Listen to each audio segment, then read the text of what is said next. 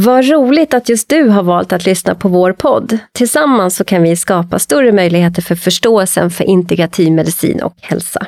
Är du intresserad av det så bli gärna medlem i vår förening och en del utav vårt nätverk.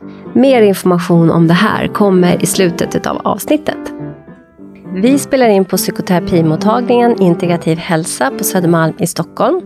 Vid min sida den försiktige poddproducenten som ständigt jobbar på sin inre och yttre kommunikation, Fredrik Ankarsköld. Mina gäster idag är Truls Fleiner och Jorun Sjöbacken. Varmt välkomna! Tack!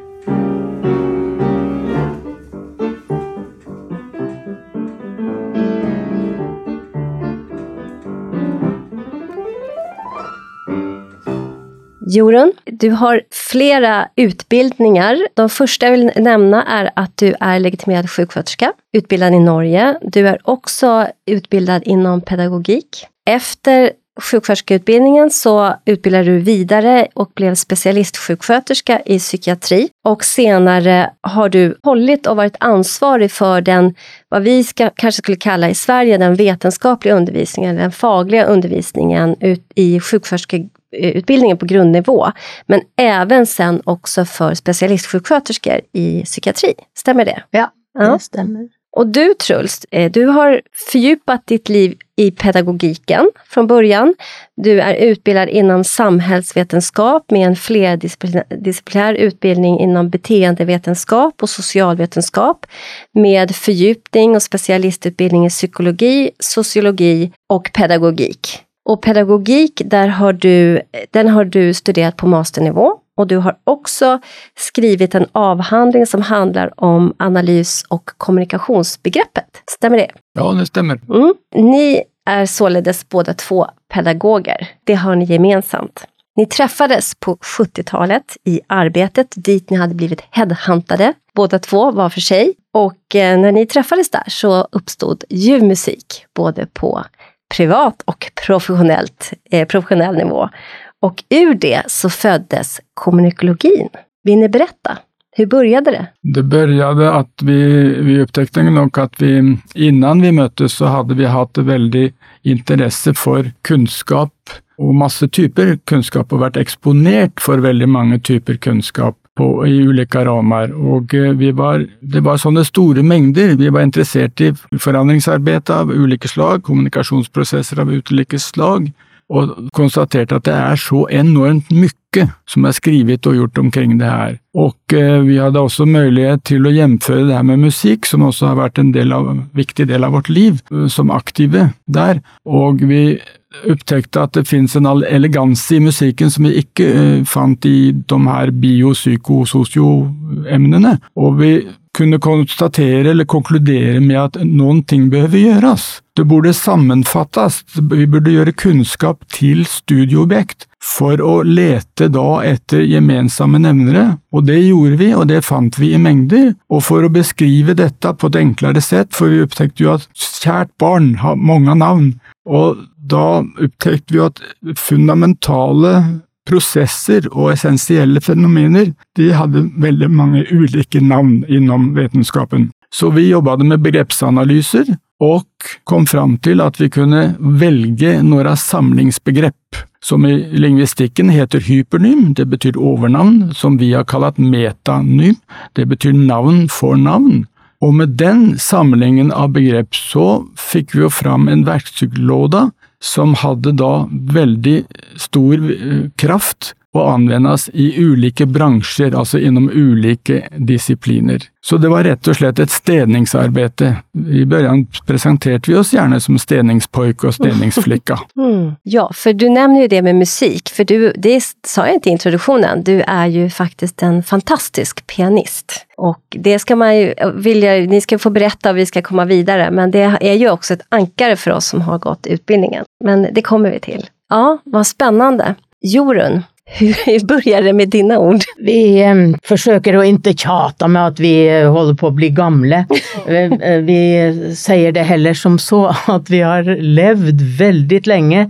Och om du tänker på det ens, att det er over 50 år siden jeg var klar med min sjuksköterskeutbildning og började då. jeg, hade, jag tykker at jeg har hatt veldig tur gjennom livet og treffet veldig duktige eh, lærere. Eh, og hatt læreinstitusjoner som virkelig har givet meg noen ting. Og eh, i gamle dager så hadde vi noe som heter plikttjeneste, og det var da etter sjuksköterskeutbildningen så måtte vi gå ett år og jobbe på en institusjon som vi hadde hatt som lærestelle.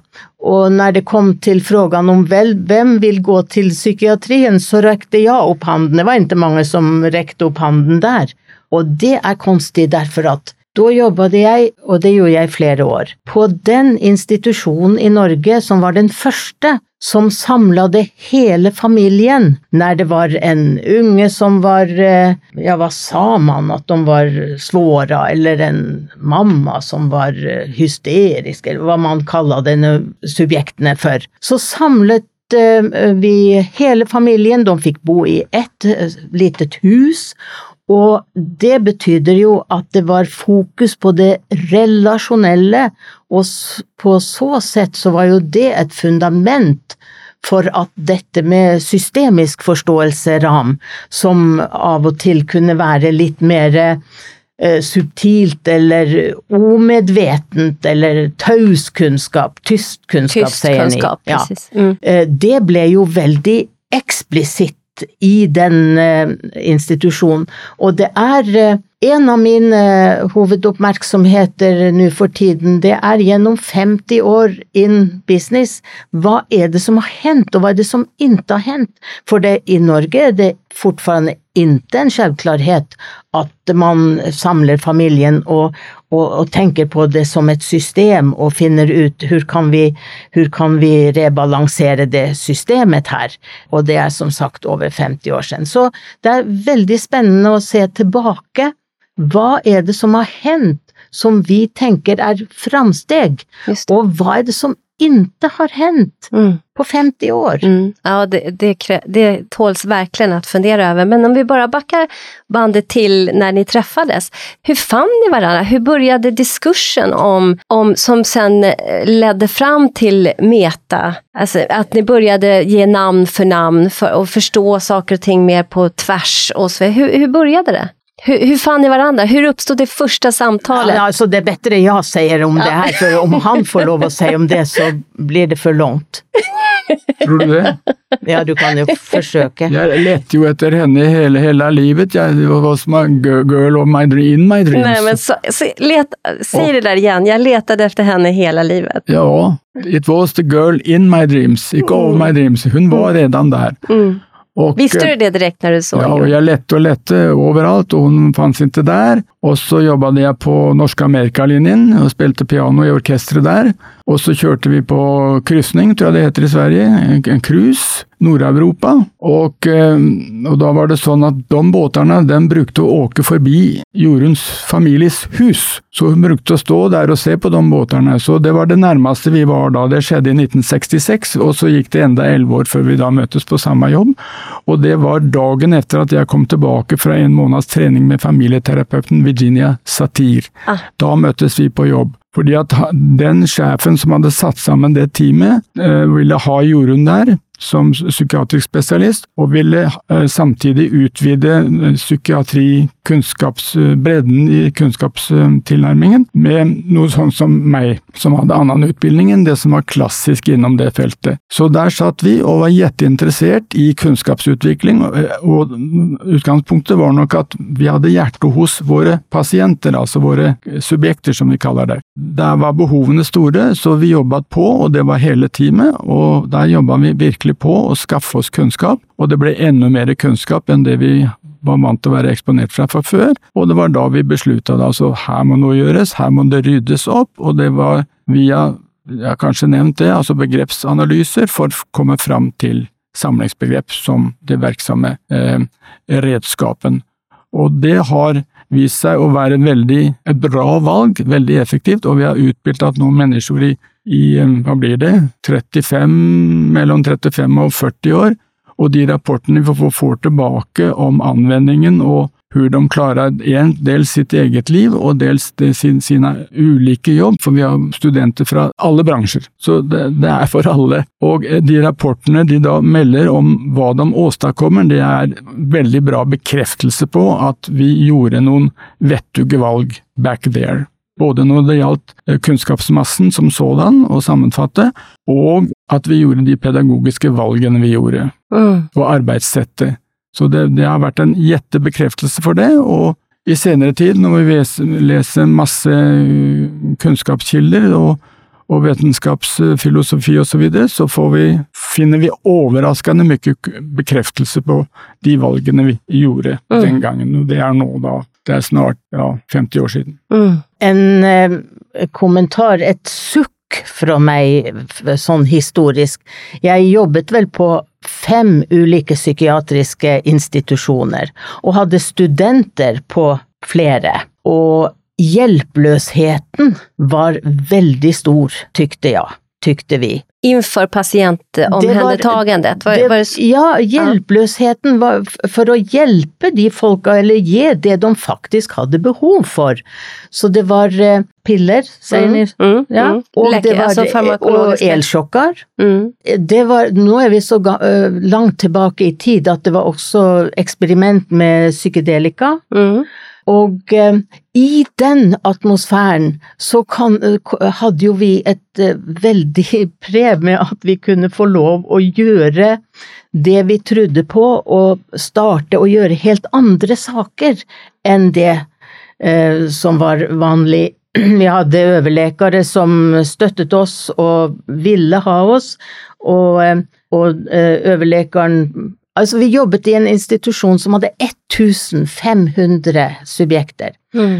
Og eh, en av 1500 pasienter, ja, men som, ja, som, vi kaller ja. innom kommunikasjon. Og en, og en av overlekerne der, han sa på et tidspunkt jeg forstår at det ni gjør og holder på med, det kan revolusjonere hele psykiatrien. Og apropos det jeg sa i sted med hva har hendt og hva har ikke hendt, det er jo rykter nå som sier at det nye i psykiatrien nå, det er å ta til ja, elsjokkene er tilbaks, og at eh, det også er rykter om at det nye nå, det er psykedelika. Mm. Og da, eh, ja, det er sånn kommentar på hva har hendt og hva har ikke hendt, og det er jo den store hjelpeløsheten med å finne på hva kan vi gjøre for å eh, se til at de behovene som finnes der, mm. blir, blir dekt. Just det. Ja. Så, så at någonstans, ni møttes her här på 70-talet i en gemensam ram. Hva var det någonstans? Det var en psykiatrisk eh, avdeling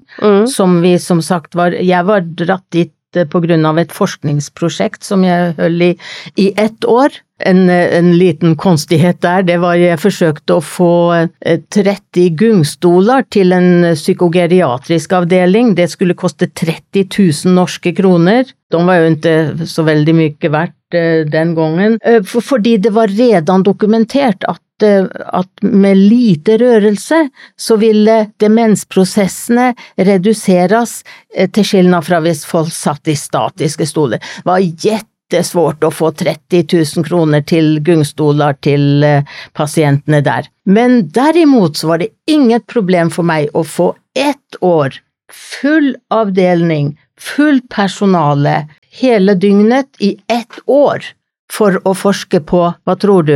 Lekemiddel? Yes. Mm. Hvilken antidepressiva mm. som kunne være best. Eh, det var i og for seg et, et relevant eh, prosjekt, derfor at vi var eh, kjent for at de depresjonene, angst- og depresjonstilstandene som de ikke fikk løst i Oslo kommune, de ble skikka til oss. Så sånn sett var det relevant. Men uh, dette sier jo også noen ting om hvor oppmerksomheten gikk, og den gikk fortsatt til hvilke medisiner.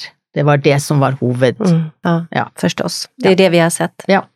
Og dessverre så kan det vel være at det fortfarande er det er, som premieres. Ja, så er det virkelig. Mm. Og så kan man jo kanskje med rette undre hva har da psykiatri med det tverrdisiplinære å gjøre? På den tiden så var det i Norge en lækare, en psykiater, som skrev en bok, Nytt perspektiv på psykiatrien. Og den skulle alle lese, fordi det var, det var politisk korrekt å gjøre det når man var samfunnsengasjert. Fordi den boken vakte så stor oppmerksomhet. Den ble oversatt til ni eller ti språk. Hvilken psykiatriker var det? Det var Svein Haugsgjerd. Og det han gjorde, det var å ta forskjellige både biologiske disipliner, psykologiske og sosiale disipliner, å belyse psykiatrien med. Et bredt spektrum. Aha, tenkte jeg, dette var jo jettespennende, og jeg hadde fått for meg i løpet av min egen studietid at en rød tråd i alt jeg leste, for jeg lette etter røde tråder, og få det sånn som i musikken, et gemensamt språk for alt det her. Og da var den røde tråden kommunikasjon og forandring, og det med kommunikasjon, det ledde meg jo straks til Gregory Bateson og det miljøet for eksempel i Palo Alto på 50–60-tallet, som forsket på interaksjoner i relasjoner, hvor da, som ble en um, vagga for um, familieterapien. Og så det der med å få flerfaglighet opp å stå, det behøves overalt. Universitetene våre er inndelt i institutter og, og etter disipliner og subdisipliner, og, men så glemmer man at det er for studiesyfte. Verden, du og jeg, menneskene i sosiale sammenhenger, alene også, vi fungerer ikke sånn oppsplittet, vi fungerer som systemiske varelser, systemer. Og det med psykiatri, da, da var det sånn at der er behovene til subjektene så veldig tydelige. De galeste er ikke pasienter i psykiatrien, de galeste de er noen ganger statsledere, de er i hvert fall utenfor psykiatrien. I parentes bemerket her nå, men de forandringsprosessene der blir det så veldig tydelig, overtydelig, når det funker og ikke funker. Så det var jo som et underlag for å skape et tverrfaglig materiale, tverrfaglig ramme, en, fler, ja, en gemensam ram, så var jo det et jettefint studiefelt for å dra fram det vi har valgt å kalle nøkkelfaktorer. Så i stedet for å gå rundt det vi, det vi bjuder på i vår utbildning, det er jo at studentene får med seg et repertoar av nøkkelfaktorer for forandringsprosesser, i stedet for et repertoar av mengder med metoder.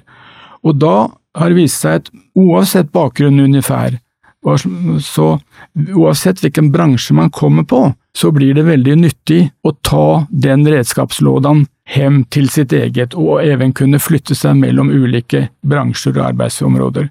Så det har jo vært en veldig døråpnere på mm. tvers. Men hvordan oppdaget dere det her? Hvordan så dere det her? For ni, det her å se det her tvär kunskap, alltså nyckelfaktorer genom olika discipliner. Alltså hur upptäckte ni det tillsammans? Vi, vi, hur kom det i samtal, i kommunikation? Eller hur, för det är ju ni som ändå har liksom identifierat det här från början. Hur identifierade ni det? Jo, det var jo alt mulig källor. Det var selvfølgelig facklitteratur. Mm. Så dro vi jo efter akademisk utbildningen på högsta nivå, så dro vi jo rundt i verden og trenade grundig med anerkjente, verdskjente outstanding duktige operatører. Som til eksempel Gregory Bateson? Eller? Vi, ikke, vi trente ikke hos han, men Nei. vi trente med Virginia Satir, som ja. jobbet i hans team i Palo mm, Alto. Mm, mm. Og hun ble en slags um, first lady innom familieterapien. Mm, og sant. det var jo jetteinspirerende. Og vi studerte med hon är ju en av de teoretikerna som jag har i min eh, systemisk psykoterapeutiska utbildning. Så ja, ju, ja, just det, ja, just det. Bland annat hon, det är många ja. men og vi studerte nevromotorikk med Miriam Goldberg, og, og, vi analyserte litteraturen til Morse Feldenkreis, han møtte vi aldri. Og så, så trente vi mye med professor um, i pedagogikk, George Brown, som var også sånn han var vel en efterfølger etter Fritz Perls og, og gestaltarbeidet, så han bygde jo en pedagogisk eh, retning. Um, konfluent pedagogikk på, opp på gestaltforståelsen. Så det, det, var lesing, og det var å reise rundt og ikke bare gå på forelesning, men å trene med disse spesialistene, og ikke minst en masse faglige samtaler med folk fra så mange ulike bransjer. Mm, som i dag er veldig kjent, og fortfarande kjente, veldig kjente innom eh, altså til eksempel min utbildning. Ja. Så, så, de her som ni da hadde formål, var det ur eran ert arbete? Skickades ni ut til de her olika, eller åkte ni vi, på eget, altså eget intresse? Vi, vi, vi, valgte ut det vi hadde lyst til å studere, og, mm.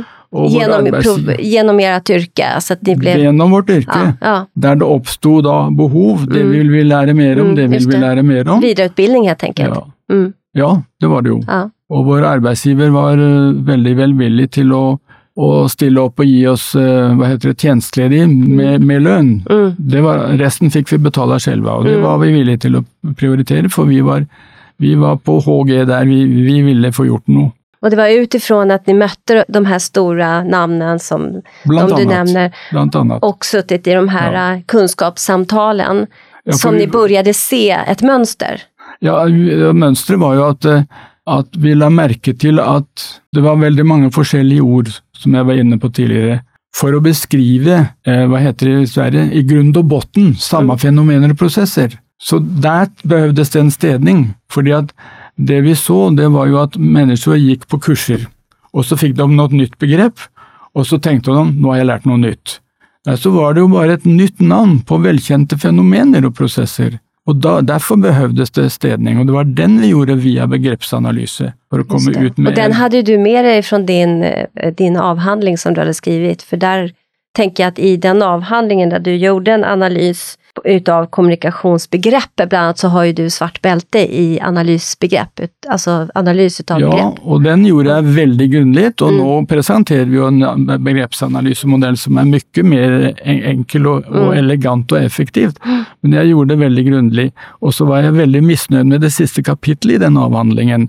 Og så har jeg forstått i ettertid, ja men det var jo kommunikologien som skulle vært der, som jeg ikke hadde da. Nei, just det. Du behøvde behövde vidareutbilda dig och vara i de här olika sammanhangen för att få den kunskapen, Ja, och- och- eller att utproce- ut, man säga, analysprocessen kunde fortgå. Mm. Kan man säga så? da, da, vi, da vi studerte videre efter eh, altså universitetsnivå, så åkte vi stort sett sammen og gjorde det. Mm. Og så, och så leste vi mängder med bøker, og vi leste ulike saker, og så analyserte vi dette og, og orienterte hverandre. Så det var, det var, det var full fart. Mm. Wow. Nå har jo Truls eh, sagt en del sånne eksplisitte saker, men jeg vil jo også si at eh, det er jo ingenting av det som fins, eller som vi prater om i dag, av essensielle fenomener og fundamentale prosesser, som ikke er beskrivet for 100 år siden, eller for 1000 år siden, eller for 2300 år siden. Sånn at det, det er én ting. Det, det har jo funnes der. Det har bare vært så så tilfeldig hvor det, eksplisitte har kommet fram. Og eh, det er noen ting som heter intuisjon, vet du. I og med at eh, du vet jo selv hvor bredt eh, det med neurologia er. Det er biologi, det er sosiologi, det er idéhistorie, det er nevrologi.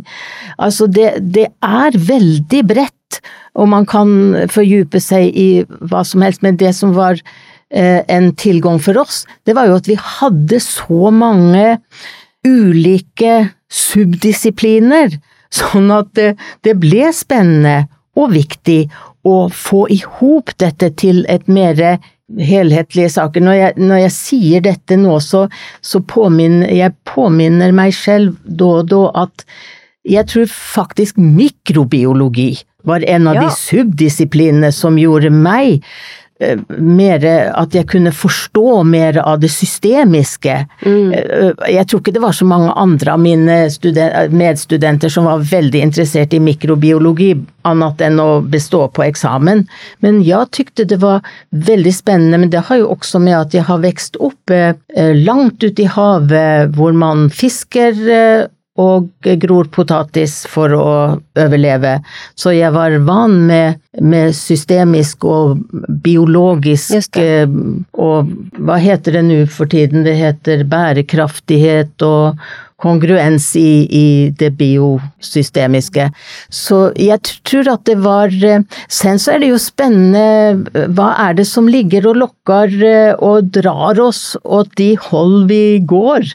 Eh, Er det bare det vi beslutter oss for, eller er det også noen ting som drar oss Det er jo også en filosofisk eh, eh, diskusjon. Hva kommer våre intensjoner fra? Er det det vi beslutter oss for, eller er det noen ting som ligger og drar? Så, så jeg tykker jo at det som er jettespennende for oss nå, det er jo når vi kommer til context of confirmation og leser helt det som er forsket fram av veldig eh, detaljert kunnskap eh, om eh, levende systemer. Og så, og så gjenføre det med de beslut som vi tok for 40 år siden. Og så kan vi jo tenke ja, men det var jo, det var jo rett så smart, og hvor kunne vi, hvor kunne vi gjøre det? Og, og, det har jeg inget godt svar på, annet enn at vi hadde veldig mange subdisipliner. Vi hadde et behov for å sammenfatte og få tenkt på det. At på den tiden som vi har levd i de 50 årene, og det elsker jeg hver gang jeg får mulighet til å si, at eh, det var stort verde på objektive data, men veldig lite verde på subjektive data. Og du vet, sjukskjøterske disiplinen utgår jo fra Det subjektive. det subjektive, og det hadde veldig litet verde i forhold til objektive data. Så skulle man snakke om vitenskap eller eh, systematiske studier, så skulle jo helst være objektive data. Det var også som så at eh, til og med teori hadde mer verde enn praktikk, så det å kunne gjøre jobben var ikke like verdefullt som det å kunne holde eh, speeches eller skrive teoretiske bøker, og dette, for meg er jo dette fullstendig absurd. Det er det verkligen. Och det, apropå att psykisk ohälsa bara skenar, så kan man ju fundera på just det här vi började med också, att det är så mycket som läggs, mycket resurser som läggs på, ob, fortfarande på objektiv data och på läkemedelsutveckling och så vidare och inte på själva hantverket, omvårdnaden, det mellanmänskliga, det relationella, det systemiska som Ja. faktiskt män, vi människor behöver. Ja, og her kan vi jo knytte til eh, hva er det din podd heter, både og i stedet for antingen eller. Det er jo så mye som i vår tid har vært antingen eller på ene siden og på andre siden. Og, in, og i kunnskapsverden så har det jo i det metodeparadigmet som vi kommer ifra, så har det en tendens til konkurranse og maktkamp om å ene sida. Eh, eh, Jeg tittet litt på svensk politikkdiskusjon her um, om dagen, og ja, det påminte meg om sånn som for seg går i kunnskapsverden også. At eh, det blir å ene siden og andre siden. Så det å få i hop hva er det faktisk som er essensielt, og få det til å bli operativ kompetanse, sånn at alle de som skal møte behovene til det vi kaller klienter eller pasienter, eller vi snakker om subjekter, for da er det jo både studenter og pasienter og alt mulig. Mm. Um, Vi prater om kommunikologi og berättelsen om kommunikologi og hvordan det oppstod. Men om vi nå skal berätta for lyssnaren, hva er kommunikologi? Hvordan beskriver ni kommunikologi? Vi definerer det jo som studie av gemensamme nøkkelfaktorer i forandringsarbeidet og forandringsprosesser. Både på inre og ytre bane, Ja, eller hur? absolutt. Absolutt. Intra og inter. Mm. Och för den som det är lite svårt att förstå, greppa det, hur kan man beskriva det? Ja, det er det som foregår inni oss av tanker og kjensler og subjektive saker, og det er det som foregår imellom oss. Mm. Og eh, man har jo kommet på, eh, gradvis etter hvert innom vetenskapen, fra fysikken og gjennom også eh, beteenevitenskaper, at eh, operatørene av alle slag, altså terapeutene, pedagogene, konsultene, you name it, de må inn i studierammen, også forskeren. For man har kommet på at deres subjektivitet, i tillegg til hva som er objektivitet, det påvirker jo det hele. Mm. Og kan man si da, for det, det gjør for meg at ni har liksom, egentligen tänker jag så här att det kvalitativa, det är sub, på subjektnivå, det relationella med allt vad som kommer med kausalsamband och alltihopa som gör att det är väldigt svårt att studera just det relationella, det systemiska. Egentligen så tycker jag att ko- kommunikologin, det, så som ni har skapat, eller det ni har skapat med kommunikologi, skulle göra det enklare att kunna studera just de Ja. här, eller hur? För att ni har ju differentierat ut på ett sånt sätt att man faktiskt skulle kunna isolera alltså studier utav det som pågår på inre bana og på ytre bana? Eller, eller tenker jeg fel? Altså, vi, vi, vi, har jo heldigvis altså, hatt mulighet til å utbilde en del folk som innan de går inn i studier, f.eks. Og når de kommer inn der, så blir de veldig fortvilet av kunnskapsmassen, fordi den er så uorganisert, jevnført med hva de får i kommunikologien. Og så, da, men så blir de eh, kompetente til å analysere da, den kunnskapsmassen de får til seg, og også analysere den pedagogikken de får det til seg i. Mm. Og da får vi bekreftelser på, på hvilke valg vi, vi tok tidligere. Og kanskje da filtrere? Ja, og det å filtrere er jo det vi kaller analyse for å være helt ærlige med at det er det materialet som vi har framtatt, som vi bruker som filter i analysen. Analysefilter. Just det. Derfor så internt eh, blant kommunikologer så heter det å filtrere, men i, i verden for øvrig så heter det å analysere. I systemisk eh, forståelsesram så blir det, er det et prinsipp på paradigmeskifte, om vi nå kaller det. Jeg går ut ifra at paradigmebegrepet blir anvendt allment nå for tiden. Ja, Så, kanskje, ja. ja. Mm. Da blir jo ett et prinsipp eh, Altså for det første så er det jo eh, Det er jo systematikk og kvalitet i kunnskap, enten man går ut fra objektive eller subjektive data, så er jo det å anstrenge seg på å gjøre det så så systematisk som mulig for å få frem det vi kaller essensielle fenomener og fundamentale det, prosesser. Ja. Så det er jo ikke at vi sloper systematikken. Eh, nå kommer det opp noen ting som heter systematicity, som er verdt å, å merke seg. Men i, eh, jeg tenker på ett Eh, prinsipp i systemisk forståelsesram, det er jo å gå fra measuring Hva er det? Measure, measuring. measuring mm. to mapping. Mm. Altså gå fra å mete og veie gram og kilo og meter og alt det der objektive, til å lage kartor. Og, og, det med mapping, det å gjøre kartor på det essensielle i terrenget, det er det vi internt i kommunikologi kaller filtrering, for å ta rede på en, til eksempel en metode. Ja, men hva består denne metoden av? Og vinsten, verdepotensialet i det, det er jo når vi, som i modeverden for øvrig, bare sloper en metode når den ikke fiksa det alt, og så åker vi til US og kjøper en ny metode, eller ja.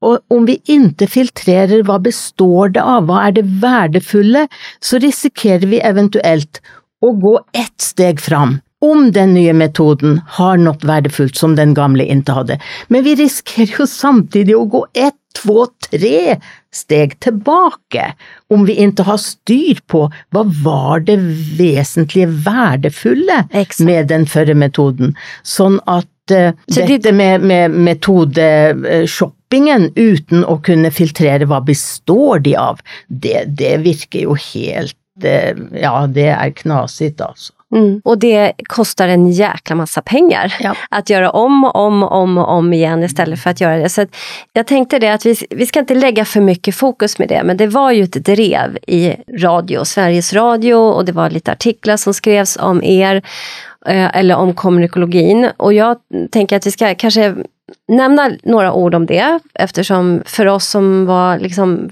på andra sidan så blev det ju väldigt vinklat och rumphugget och eh, alltså man kan, man kan fundera lite grann på hur den, hur den mediala vidareföringen blev, vilket jag tänker att vi ska göra lite grann.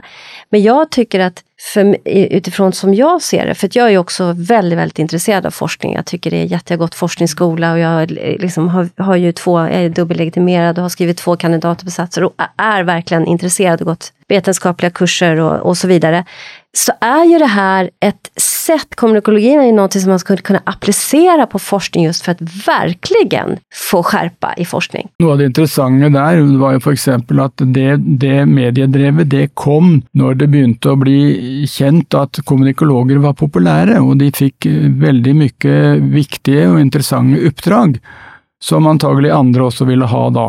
Og, og det, det, ble kanskje en rød klut, for dette skjedde jo først etter da vi hadde holdt på i mm, i hvert fall 25 år. Så det er merkelig at ikke det kom før, men det, det kom når det ble populært, virkelig, virkelig ansett. Og det var jo drevet, så vidt vi forstår, av två idrettspsykologer som smykket seg med, med, med, titlar och roller da i universitetet. Og och de representerte jo da et smalt spektrum av det tverrfaglige spektrum som vi representerer. Og vitenskapsjournalisten fra Vitenskapsradioen, han, han var tydeligen ikke Han hadde ikke relevant informasjon om kommunikologi. Vi erbjød han å møte han og gi han relevant informasjon, så han kunne planere et godt program. Men det, var, han var tydelig hvert fall, han var ikke orientert om det han skulle lage program om. Og han, det var nok et svakt, veldig vitenskapelig nivå også, når han begynte å si at diagonaler i motorikken er vel ikke bevisad. Syn, hørsel og det man kjenner er vel ikke bevisad. Så det, det, det ble helt tokig, og vi tilbød også redaksjonen i Vitenskapsradioen å møte dem på, på riktig. Men de valgte heller å si at vi, vi hadde avbøyd. Ja, vi hadde avbøyd telefonsamtale, mens vi eksempel var i Wien og jobba det hele dagene med utbildningen, med, med, selve programmet vårt på dagen, og hadde viktige møter med våre studenter og samarbeidspartnere på kveldene. Vi hadde ikke mer. Just, det, just den tiden så hadde ni en utbildning som pågikk, og da ja, kunne ni ikke, men før og etter hadde ni kunnet ja, møte dem. Ja. Mm. Og, og verken han eller Vitenskapsradioen respekterte våre rammer. Så det var ganske frekt og ganske ukvalifisert. Vi erbjöd eh, at han kunne, vi kunne møtes i Stockholm, vi kunne møtes i Vienna, vi kunne møtes i Helgeroa, Norway. Ja.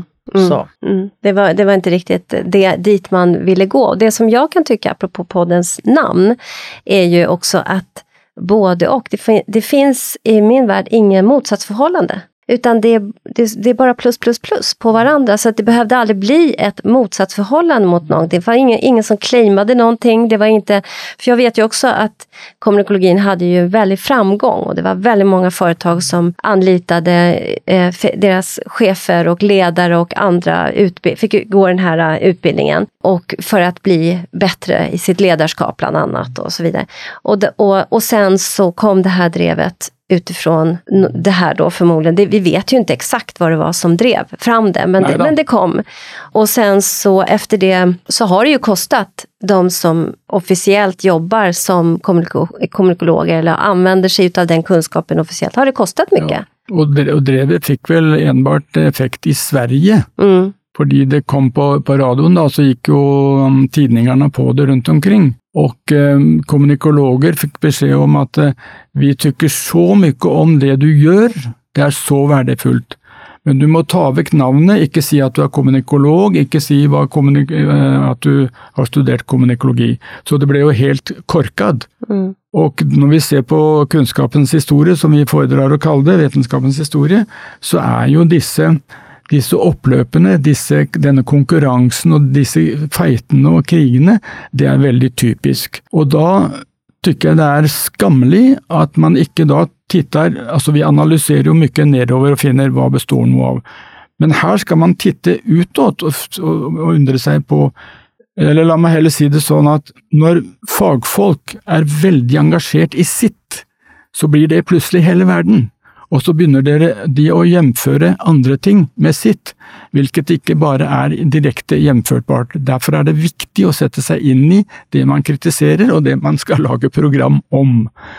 Eh, og da blir det altså konkurranse og fighting og krig, men hvis man tittet utenfor og frågar seg hva er, er, hva, hva er, det, er det en større ramme her, som dette er en del av alt sammen? Ja, men det er jo kunnskapsarbeid. Det er å det er å produsere kunnskap, franskaffe kunnskap, forvalte kunnskap og formidle kunnskap. Mm.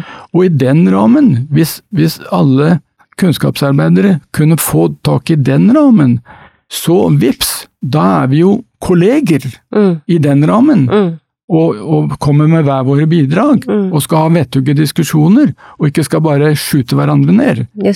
det er så skammelig. Ja. Förlåt ville du säga något? Ja, nej, jag på att eh, siden vi har holdt på så lenge, det var jo en del eh, disipliner og subdisipliner. Det har jo blitt veldig mange subdisipliner mens vi har vært around. Og eh, et sett som folk skulle skape identitet for sin disiplin, det var jo å urskille seg og åtskille seg og, og prate ned alle andre granddisipliner og, og, alt annet. Og denne, apropos eh, både okk og int antingen eller, det er jo så mange filosofiske og teoretiske saker som havner i diket på den ene siden eller den andre siden, så ligger man der og skjuter på hverandre. Ja. Mm. Og i ett fall, altså det handler om dette med Det er ikke så relevant hva det handler om, men, men det er uttrykt i forbindelse med Er det intensjonene vi skaper uh, i går som driver,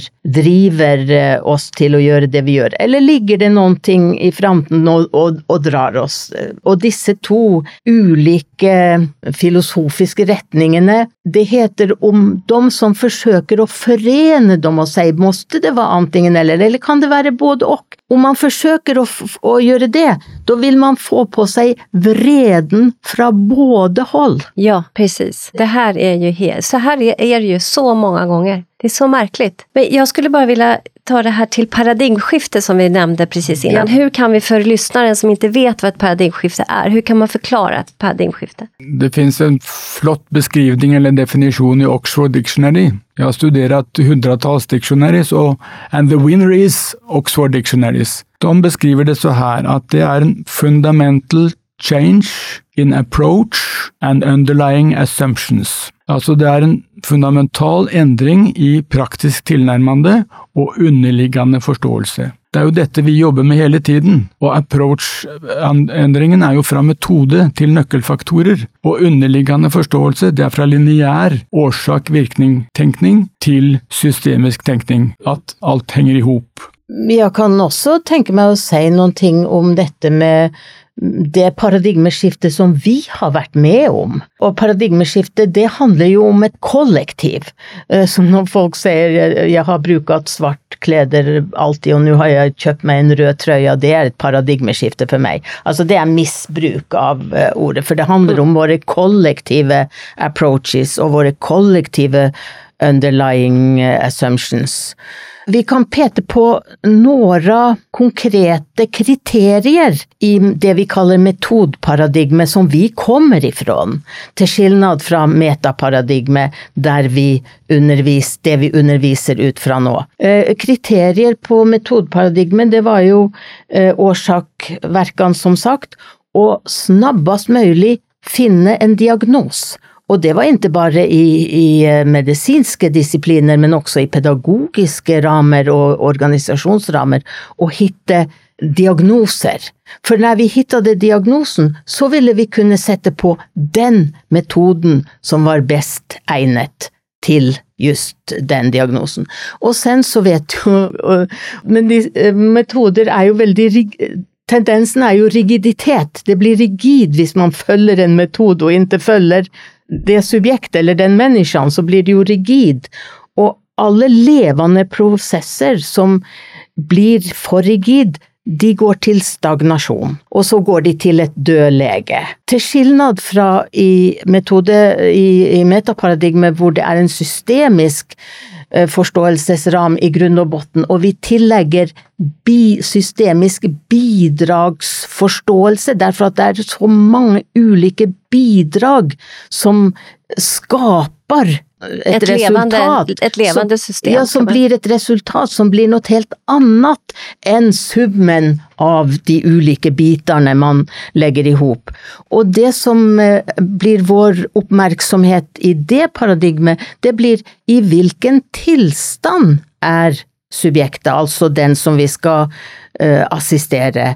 Hvilke balanser eller obalanser finnes det i det systemet. Og når vi, eh, når vi hittar eh, det, så kan vi direkte gå til nøkkelfaktorer for å rebalansere de ubalansene som måtte være.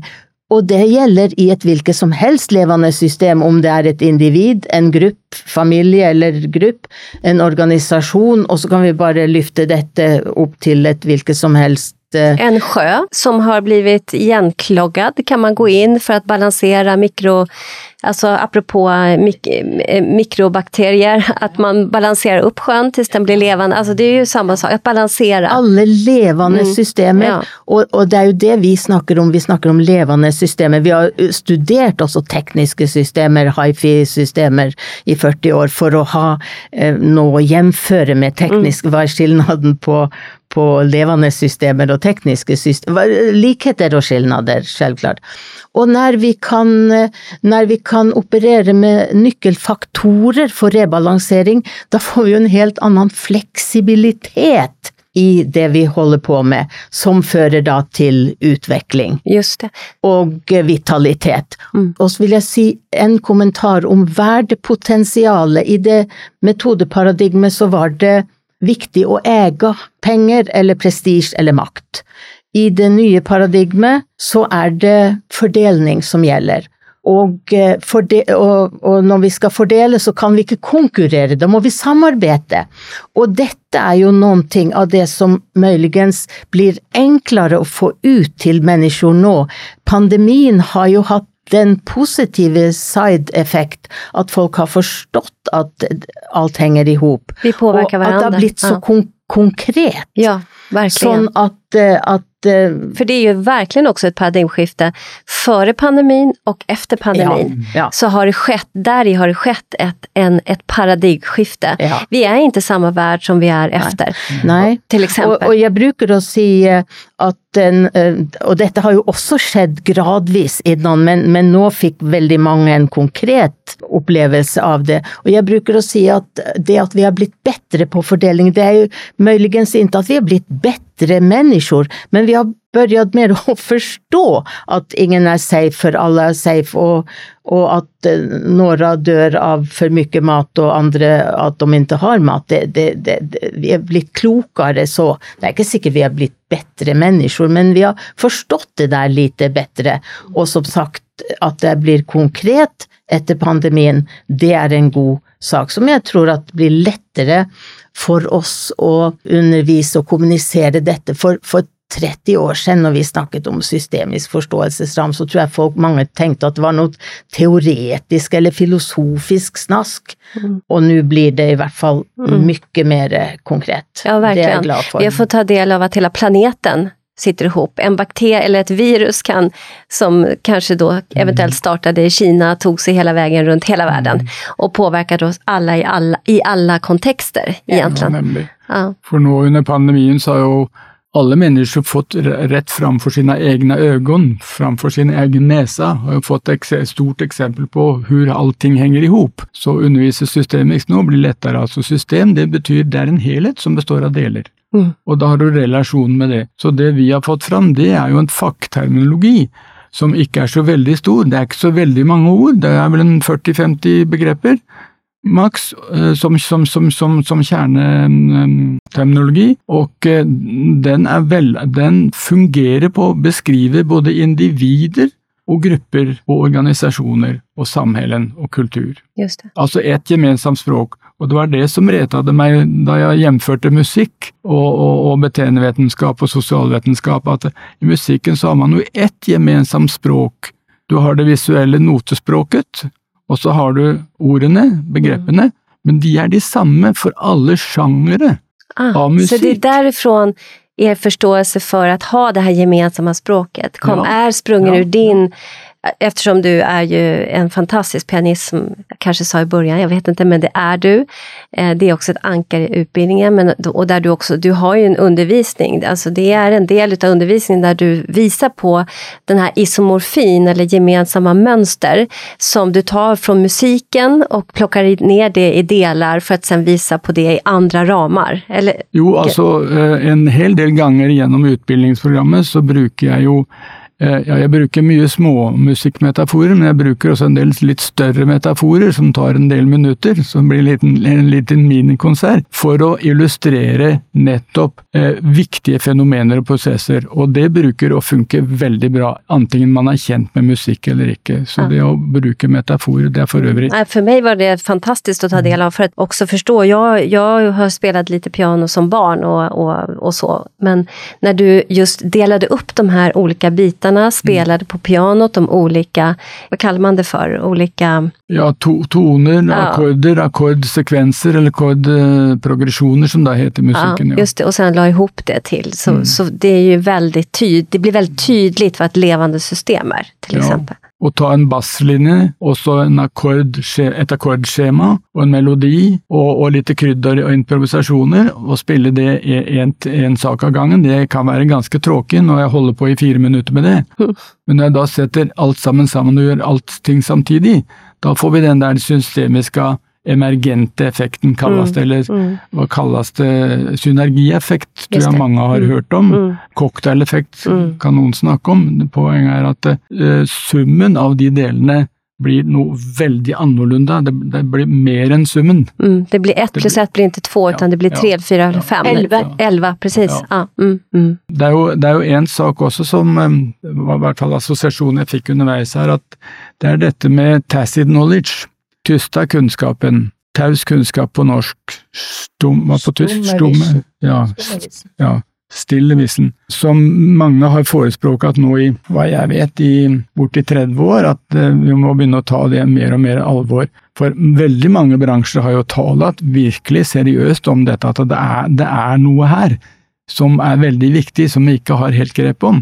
Og paradokset er jo da å begynne å beskrive det som er definert som ubeskrivbart, og, og spesifisere det som er ospesifiserbart. Men eksempel når vi valgte å studere eh, operatører av de ulike slag, altså pedagoger, terapeuter, eh, ledere ikke minst, eh, coacher heter det nå, og handledere før, studere og hjemføre i, i store mengder gjennom det her aktive livet vårt, det er jo det spenningsfeltet mellom hva er det disse anerkjente spesialistene, verdensberømte, hva er det de gjør som de ikke sier? Kan vi beskrive det? Der ligger jo den tyste kunnskapen, ja, en del av den. Ja. Vi skal aldri tro, tror jeg, at vi kan få eksplisitt gjort hele den, men det å få eksplisitt så mye, det har vært interessant, for da har vi også kunnet konstatere at det som er eksplisitt, det som er tysk kunnskap någonstans, det er eksplisitt kunnskap noen annenstans. Og så kan det være eksplisitt på to sett, nemlig at man gjør det uten å vite det, eller man gjør det og kan beskrive det. Og der kom jo Michael filo- vitenskapsfilosofen, som lanserte begrepet tacit knowledge. Han hadde jo som motto at you know more than you can tell. Altså du vet mer enn du kan eh, beskrive. Og han, han bygger da eksempel på gestaltpsykologiske eksperimenter, hvordan ting kan oppleves og tas inn og læres, og komme ut igjen i beteendet uten at man er medveten om det. Men det går altså langt på vei å medvetengjøre, så der har du en todeling, kan du si, mellom eksplisitt formell kunnskap som vi lærer i skolene, inklusive universitet. Og så har vi den tyste, som også kalles den intuitive. Så vår forstå, nå har jo veldig mange, både innenfor for fysikken, de begynte for 100 år siden, tror jeg, og man har gjort det mer og mer i beteendevitenskap. Man er klar over dette, hvordan operatør, som vi kaller det, den som gjør noe i forhold til et subjekt, enten det er elev, student, pasient, klient, whatever, Og operatøren kan være läkare, sjuksköterska, Ja. lärare. det, det viktige er hva som skjer i den interaksjonen, i de relasjonene, og det har vi jo da begreper nå til å beskrive og, og, og få på plass. Jag brukar ta upp en studie som, eh, i de här poddavsnitten som beskriver där man hade delat in så kallade master therapist och eh, terapeut, terapeuter som inte hade lika gott behandlingsutfall som master therapist. Och då fick de komma in, det är en, det är en, eh, en amerikansk studie, så då fick de här master therapist, alla terapeuter fick komma in och möta en patient. Och de här var ju då psykoterapeuter, eller psykologer, psykoterapeuter. Jag kommer inte ihåg riktigt om det var att de var legitimerade psykoterapeuter eller inte. Men but still, de hade patienter i behandling och olika utfall. Så ville man förstå någonting mer om det här. Vad handlar det här om? Och då fick de alla gå in med en helt annan ramsättning. Det vill säga de fick gå in med en bricka med en stor spruta på. Och möta patienten i första mötet. Och de kände inte varandra, de som skulle mötas. I, i kommunikologiska termer operatör-subjekt. Eh, och sen mätte man stressorer på subjektet. Puls, blodtryck, kortisol, adrenalin och så vidare för att se hur pass stressade de blev. Och då kunde man där se att de, som, de så kallade master therapist, de patienter som fick möta dem hade lägre stressorer än de som hade, mötte de som inte hade samma goda behandlingsutfall. Och då försökte man förstå någonting det här och det man har kommit ut, det är att man förstår att det är relationen. Men jag tänker just med kommunikologiska begrepp förståelse, eh, verktyg, så skulle man ju kunna titta mer eh, liksom, noggrant på vad det som händer i den enskilda situationen og relationen. Vi har jo kommet så langt, tycker vi, at vi vet mer om hva eh, er är um, den, altså, enn, vi gjorde tidligere. Og etter å ha studert alt det vi har gjort, og gjort sånn systematiseringsarbeid kring det, at det er ikke nok, tenker jeg nå, å snakke om bare om tystkunnskap og eksplisitt kunnskap, men også den operative kunnskapen. Den kunnskapen som kommer ut gjennom operatørenes arbeid i sin terapier, i sin pedagogikk, i sin coaching osv. Og, og den består av en blanding, tenker vi nå, av den formelle, eksplisitte kunnskapen man lærer i skolene, blandet med sin forståelse av dette. For den varierer, og blandet med misforståelser av dette, for det er også med, blandet med den tause, tyste, intuitive kunnskapen. Mm. Det, summen av det, den systemiske summen av det, det er det som kommer ut i relasjonen mellom operatør og subjekt. Taus kunnskap har vi jo snakket om i eh, sykepleie, så lenge jeg har ja. Eh, vært ja. med der, det vet du også. Og et veldig godt eksempel som jeg tykker folk lett relaterer til, eller tror på, når jeg sier at om jeg gikk fra en avdeling og undret på hvor skal dette her bli utover kvelden og natten, og så kunne jeg gå og titte på listene. Hvem er det som er in charge? Hvem er det som kommer til å ha ansvaret for denne kveldsvakta? Og så kunne jeg tenke, ja, men er det hun? Ja, men da går det bra. Eller også en annen eh, det her er ikke sikkert det går så bra. Og det forstår jo folk. Og hva er skillnaden på de to? De har eventuelt samme utbildning, skoler, men hva er det den ene kan som den andre kan? Og her, dette er jo et eksempel på noe som var viktig i paradigmeskiftet, og, og i stedet for bare å se på hva er det som ikke funker for subjektet, hva, hva er sykdommene, diagnosene, symptomatologiene, til å sjekke hva er kompetensen til operatørene? For det er jo de som skal ha en kompetens ja. som skal gi noen ting ja. til mm. subjektene. Mm. Mm. Og det var eh, når Virginia Satir, som var her i Sverige en måned var i år i mange år, når hun begrep riktig hva vi holdt på med, så sa hun eh, ni burde møte og så nevnte hun navnet på et par karer i US. Og så sa hun de gjør noe spennende, de forsker på meg. Og vi visste jo om henne at hun var jo ikke spesielt selvopptatt eller prestisjebenegen. Så da forsto vi at, at, de forsket på kompetanse, hennes kompetanse, presis som vi var interessert i det. Og det vi gjorde da, det var jo igjen at vi solgte våre barn og tok dyre lån i banken og åkte i vei. For først en måned, og så en måned til. Hvilke var. Det, det var John Grinder og Richard Bandler eh, med Neurolinguistic Programming, som jo i verden har fått et mykje blandet rykte. Og for å gjøre den historien kort, så kan vi jo si at vi har studert hos og samarbeidet med John Grinder, som han har holdt, Han holdt jo stenhardt på metaramen, det gjorde ikke kollegaen. Ja, det store skiftet der, det var jo just å gjøre noe av den tause kunnskapen til medveten kunnskap, for når behovene er store, så hjelper det jo ikke om det er fem eller ti Guds benådede folk i verden som kan trolle fram der hadde vi jo Milton Eriksen også med hypnose, som vi også har studert litt. Det hjelper jo ikke, vi trenger jo at, at det, vi kan få eksplisitt kunnskap og kan trene opp, sånn at alle kan lykkes rimelig bra. För då kan man ju i, så som ni har eh, liksom utarbetat kommunikologen, faktiskt studera hos operatören, behandlaren, vad det är som behöver tränas bättre på. Ja. Till exempel. Och, och så det, det tänker jag, så att istället för om vi bara liksom återkopplar till det här äh, drevet, att man försöker köra ner i det diket, är ju egentligen att ja, men, kanske titta på det här. Varför är det så många företag som anlitar er för utbildningen? Vad är det som människor, vad är det som drar? Vad är det här för någonting? Och istället undersöka det då, eller studera det på något sätt. Vad är det, vad är det för framgångsnycklar i det här? Det, det som har dratt i åren, det er jo rykte om kvalitet. Så, och, um, da vi talte med vitenskapsrepresentanten, så Eller la meg heller si det sånn at eh, når det kommer noe nytt, så går alle mennesker på det at ja, da må det være nye metoder, for det kommer stendig nye metoder.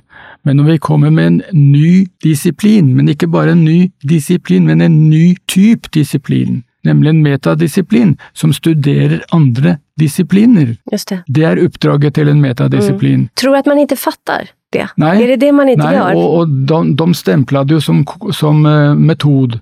Eh, er eh, kommunikologimetoden evidensbaserad Mm. og så videre, sånne Mm. saker. Og vi forsøkte i den telefon, en, ene telefonsamtalen å få, få vedkommende til å forstå at vi har jo klassifisert dette som disiplin, nettopp for å skille det fra metoder. Det er det som er det vesentlige paradigmeskiftet her.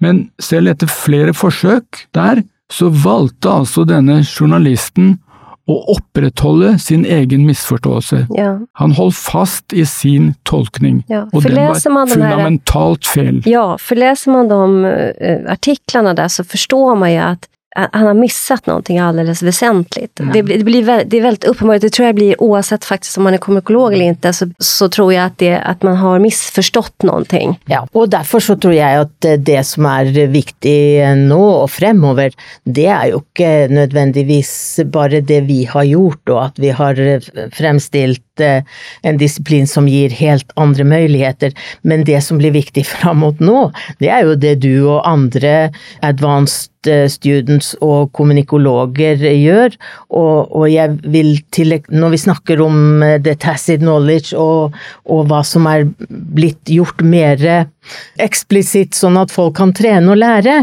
så øh, du og, og vi var jo på en eh, et, et eh, convention her for kort tid siden hvor eh, en uh, sjuksköterske som har ansvar for eh, kvalitetssikring på et stort sykehus i Sverige. Hun tok an seg å filtrere, som vi sier, analysere, alle de klagomål. Altså det er mange som er misnøyd, men noen av de som er misnøyde, de tar seg det bryderiet å skikke inn formelle klagomål til sykehuset. Og hun filtrerte alle de klagene som kom inn på et år da. Förmodligen. Jeg kommer kommer i ihåg hvor mange. Men hennes konklusjon er jo så jätteintressant.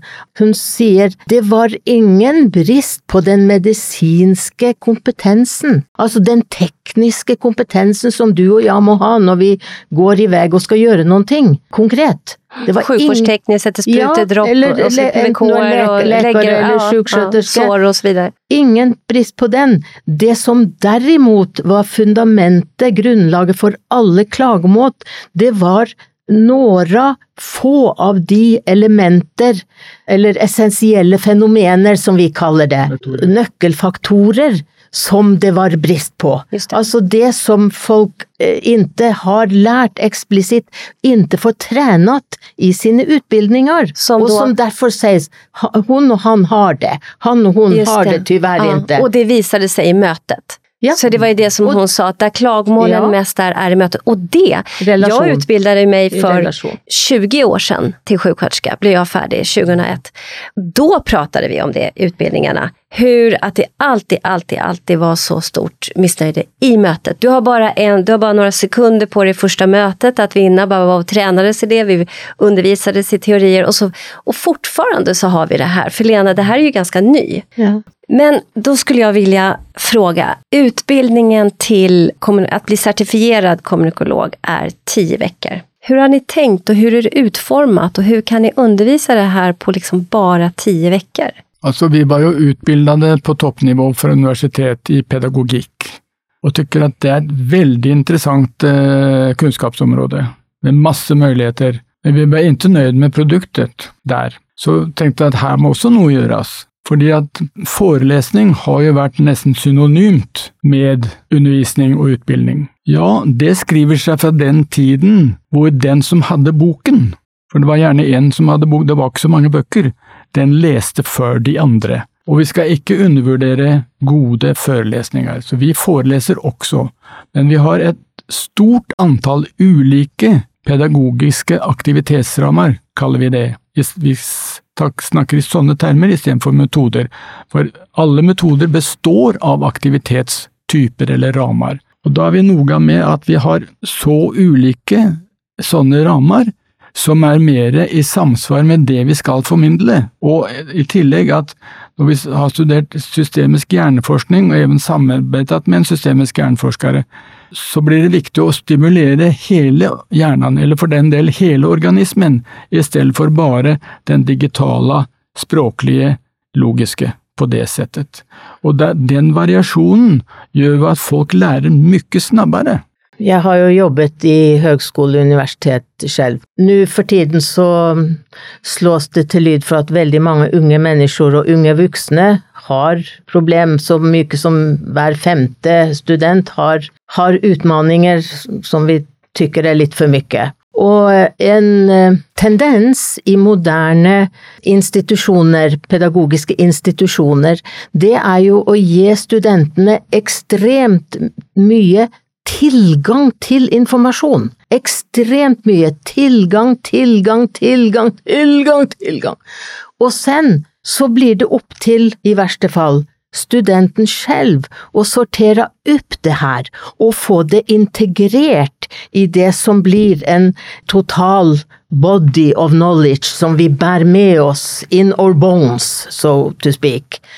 Og det der med å bare få masse tilgang og ikke få hjelp til å bearbeide, sortere, reflektere, diskutere, og så få integrert dette, det kan bli en veldig ubehagelig obalans. Vi har en hjerne som har en helt eh, systematisk ongoing prosess midt inn i hjernen som handler om å bygge opp nye ideer, bygge fine byggverk, og sen så bygger vi de ned igjen for å bygge de opp enda bedre neste dag, sånn som ungene gjorde med Lego når det kom legoklosser.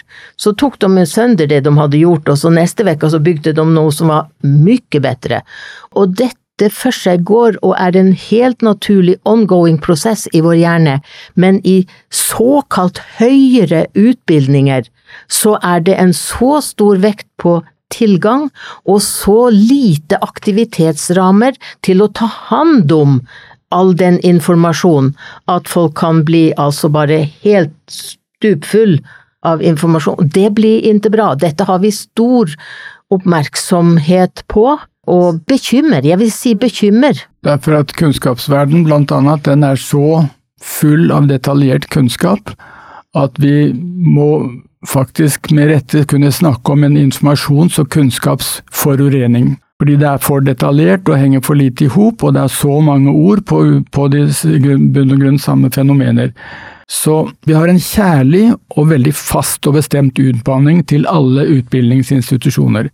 Det er at pedagogene der gjør sin hemmelekse. Når de har sippet ned i masse detaljer, da skal de sammenfatte, de kaller det å chunke opp. De skal klassifisere denne kunnskapen og velge noen sentrale begreper, sånn at det som er viktig for intensjonen med en utbildning, det blir veldig enkelt tydelig og tilgjengelig. Da har man en annen mulighet, for hvis man bare skal gi ny informasjon hele tiden, så går studietiden til det. Hvis man derimot gjør den hemmeleksaen og sammenfatter denne kunnskapen, da har man tid til å ha en kortere fase med tilgang til dette, og så bruke resten av studiet på å integrere dette. Vi anvender kun tre moduler, tre uker, til tilgang til hele materialet. Så er de andre modulene, med veldig mange varierte aktivitetsrammer, de er da til for å jobbe fleksibelt og dynamisk med det samme materialet, men i veldig ulike rammer og sammenheng, sånn at det blir sjansen til å få integrert det og eie det, blir ganske annerledes enn å sitte og lese og skrive og lese og skrive, og snakke og snakke og snakke og snakke. Men om ni skulle berätta hur utbildningen till att bli certifierad kommunikolog är, alltså va, va, hur är det? Va, om, man, om jag kommer, jag vill gå utbildningen, vad är ramen för utbildningen? Hur lång är den? Hur är den upplagd? Och så vidare. Vanligtvis i genomsnitt i tio veckor. Tio veckor är själva utbildningens längd. Tre första. Mm. Och då kallar ni en vecka för en modul. Mm. Och de kan man också ta lite, man kan ta en i taget, man kan gå tillbaka och göra om och så vidare. Ja, då. For det handler ganske mye om ansvar for sin egen, eller hur? hur? Jo, altså det er klart, det, det gjelder jo all undervisning og utbildning. Jo. Det gjelder at, at, studenter har også et ansvar for sin egen læring. Men da, da er det viktig at operatørene gir, gir det en god sjanse ved å nemlig ha et ha et oversiktlig material som ikke er for stort, men som inkluderer veldig mye. Det er det som er finessen her. Så det er rett og slett et aktivitetspedagogisk program, det er ikke et forelesningsprogram. Og så er en eh, stor idé, det er jo at i et levende system, til eksempel en menneske, så er det jo så mange ulike undersystemer. Og de er jo ulike og, og drives med ulike informasjonstyper, men så blir jo alt dette her omformet sånn at det blir en sammenhang i hele systemet. Ellers ville jo ingenting kunne funke, vi ville jo dødd på flekken hvis ikke det funka det så. Sånn at eh, det vi legger eh, vekt på, det er det sensoriske å bli veldig medveten om eh, hvor går oppmerksomheten, og på hvilke former, og det både eksternt, selvklart, som i organisasjoner så er det både ekstern kommunikasjon og intern kommunikasjon, og vi trener folk i også å ha oppmerksomhet på ulike fenomener internt. Så det er jo en fantastisk mulighet til egenutvikling. Altså, det er jo de samme kompetensene jeg trenger for å skjøte meg selv, som jeg trenger for å hjelpe mine subjekter. Eh, så det er én sak. Og så er det jo eh, Sånne eh, saker blir jo ofte kalt mentale eller kognitive prosesser. Og motsvarigheten, eller å andre siden, så jobber vi med nevromotorisk stimulering. Eh, ut fra troen og erfarenheten på at kropp og knopp, det er jo et underbart uttrykk mhm. som ni bruker i Sverige, mhm. de henger så noggrant sammen. Vi kan velge å gå fra det ene utgangspunktet eller fra det andre, men det henger jo sammen. Sånn at, eh, og spesielt om det er noen ting som ikke funker riktig bra, det være seg barn eller ledere eller alt derimellom, så er det en god idé å også gjøre nevromotorisk stimulering. Og, og sa du det at det er jo en moderne trend ja, at folk gjør eh, yoga, tai chi, qigong? Just det ping-pong, ding-dong, ja, nej, men så är, ja, så ja. är det ju. Vi pratade om det eh, lite innan, att det precis så är det. Att idag, vi har, vi har ju Anders Hansen, psykiatriker, som har blivit ett namn för liksom, att föra ut kunskapen och har ju gjort apropå paradigmskiften, ett enormt arbete för förståelsen och framförallt skolor och barn, hur, man, hur hjärnan mår bra helt enkelt utav att röra på sig och ja. träna. Och att man presterar mycket bättre efter man har varit ute och tränat. Han berättade någon gång på ett eh, seminarium som vi hade att man kan säga till, till ett barn till exempel, jag tror han hade det på sina slides, att om du går ut och, och springer 20 minuter eller om det var 40 minuter ut och leker fysiskt aktiv så levlar du upp i ditt datorspel. Du blir supermycket bättre bättre ja. efteråt, vilket ja. kunde då motivera till fysisk aktivitet. Så det, är ju, det håller vi för sant just nu. Och där uh, har vi erfaring för att det är viktigt också med varierte tempo. Fra det ekstremt langsomme til det snabbe og hårde. Da stimulerer vi ulike saker, ulike aspekter, ulike ressurser. Så vi, vi tenker også på det med nevromotorikk, at vi kabler opp systemet. Sånn at de, disse delene vi har i oss, i hjernen og whatever, wherever they are, at de kan kobles i hop og gjøre et smidig samarbeid. Det har vi så god erfaring med med nevromotorikk.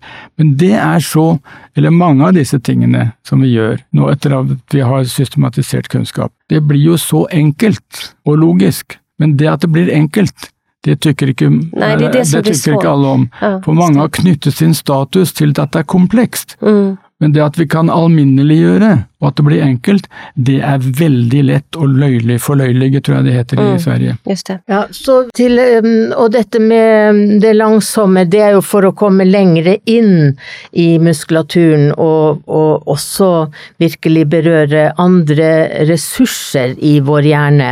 Vi har jo, altså det er jo et helt enormt ressurspotensiale vi har, hvis vi bare lærer oss å stimulere fra sensory-sidene, og også konkret eh, nevromotorisk. Og til eksempel, det er jo masse folk som har masse ressurser, men de er ikke koblet ihop. Til eksempel er det jo folk som går rundt og sier ja, men, og på ene siden og andre siden, og de går passgang også. Og det blir ikke veldig bra av det. Sånn at det å få koblet ihop, det å få nevromotorisk grunnmønster diagonalitet er jo det spesifikke mønsteret som får koblet ihop disse ulike ressursene, sånn at hele det interne teamet jobber som en helhet. For det vet folk som har vært i organisasjoner, at om ikke teamet jobber som en helhet, ja da blir det veldig tungt og slitet, og det blir ikke bra resultater.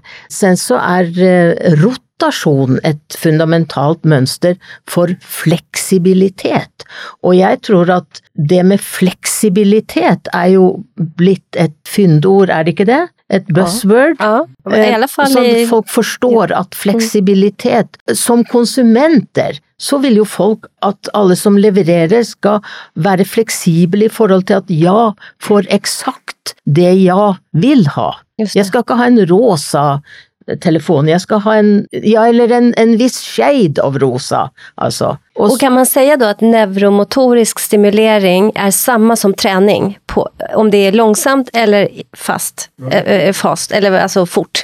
Vi, vi kaller det absolutt trening også. Mm. Det gjør vi, og det er for å, for å få de ulike tempoene, da, at man kan utbalansere, at ikke man bare gjør det langsomt eller bare gjør det snabbe og harde, men at man utbalanserer dette. Og dette har jo våre studenter og kommunikologer veldig, jobbet veldig framgangsrikt med, f.eks. innom idrett. At når de innfører den nevromotoriske, sensoriske delen, så blir det helt andre resultat. Just det, for det skal vi jo nevne også, at just den delen har ni også vært inne tidlig med kommunikologien i, i idrottsvärlden. Ja. Där man har jobbat, absolut. och där har man också sett och upplevt, det är ju väldigt härligt att göra neuromotorisk Ja. eh, rör, rörelse Ja. kopplat. Men andningen då? Är den en Jo, del? andningen er, um, altså det finnes veldig mange metoder, også når det gjelder langsomhet. Men det er jo ikke metoden som er nyckeln. Det er de principerna, det er nyckelfaktorerna som er andning, det skal gjøres med andning, det skal gjøres sensorisk basert, altså sinnesbasert, det vil si at instruksjonen kommer ikke fra en bok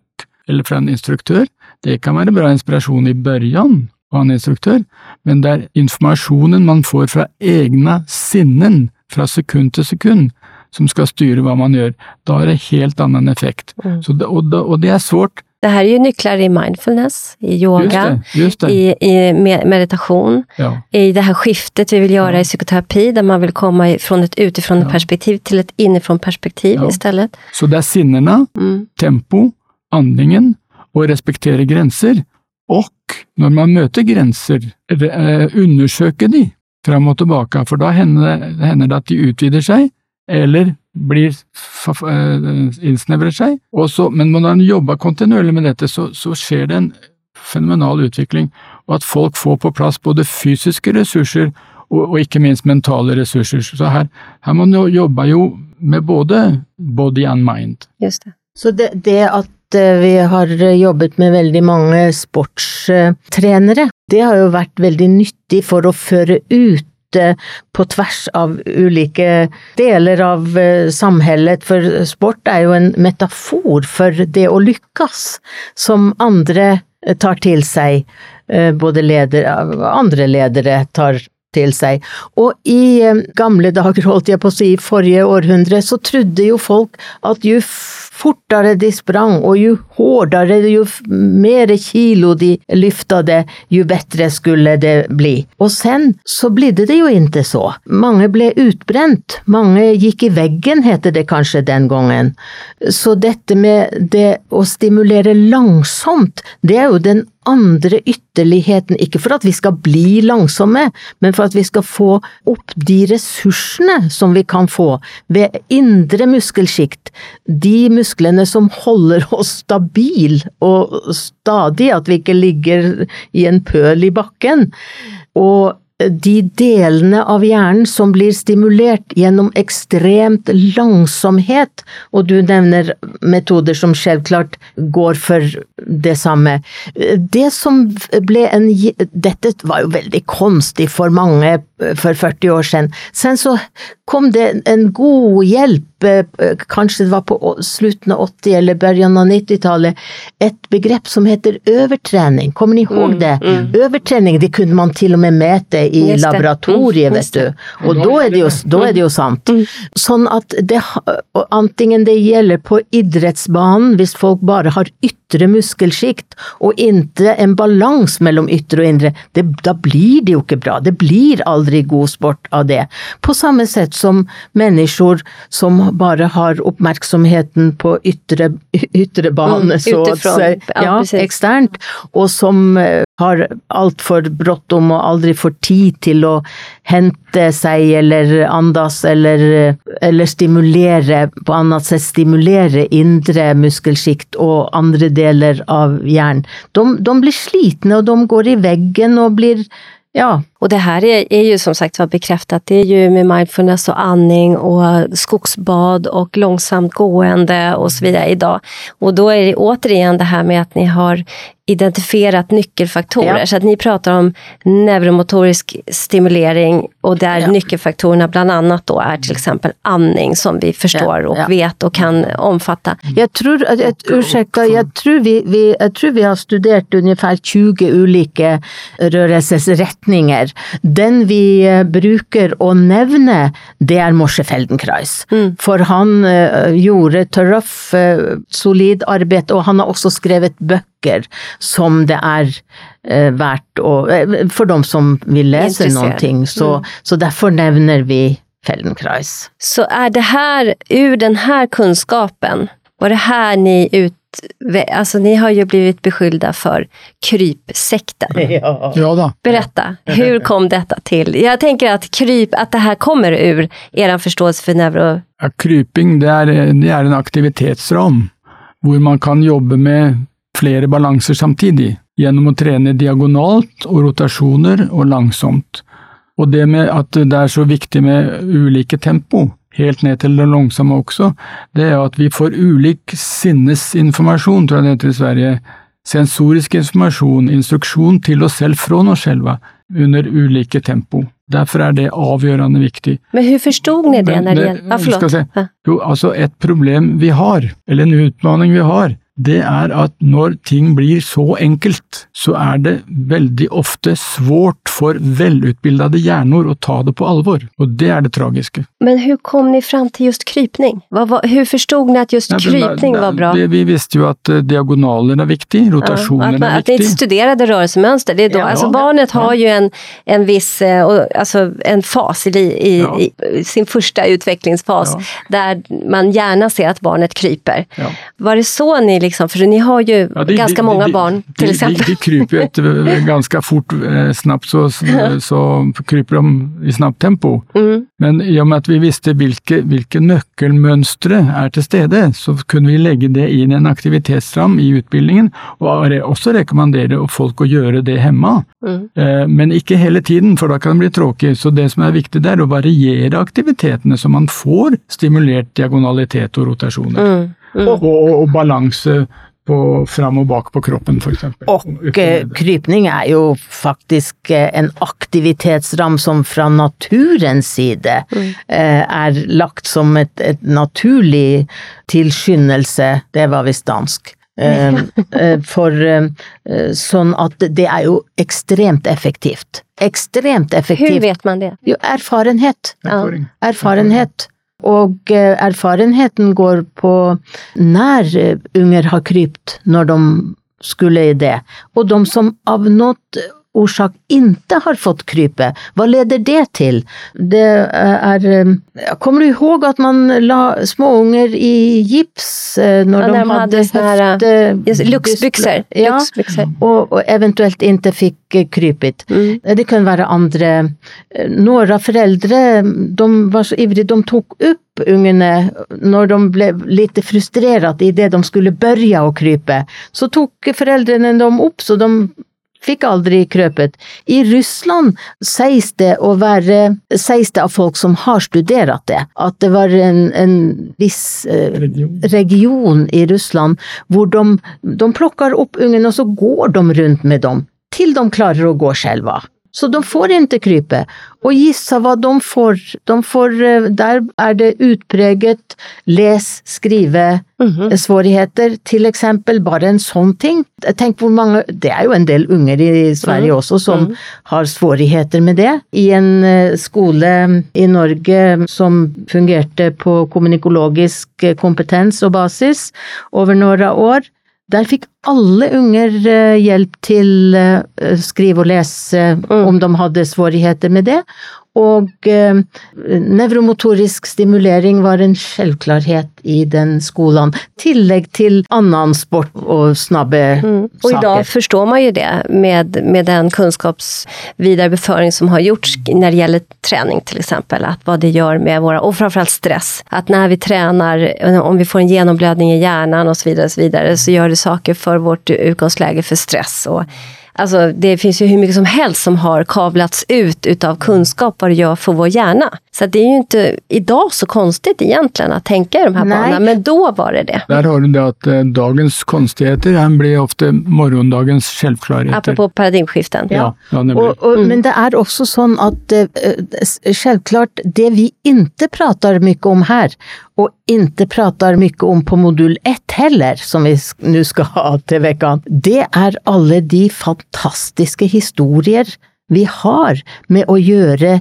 disse enkle sakene, om man nå skal tenke på det som enkle. Derfor at det låter så Enkelt. ja, det låter enkelt, og så låter det Vi kaller det solskinnshistorier, altså. Så vi kan nesten ikke berette det, for da tror folk at hva er det de sier? For det er, det er så lett å løy, forløyelige, Mm. og Ja. det er veldig tragisk. Ja. Men det er jo en del av paradigmeskiftets nøkler også. Ja. Det skal være en, en stund av förlöjligande utav den Ja. som kommer med ny kunnskap. Så, Ja, ja. Og så prøver man veldig ofte å sette nye ting inn i den gamle logikken, mm. og det funker ikke.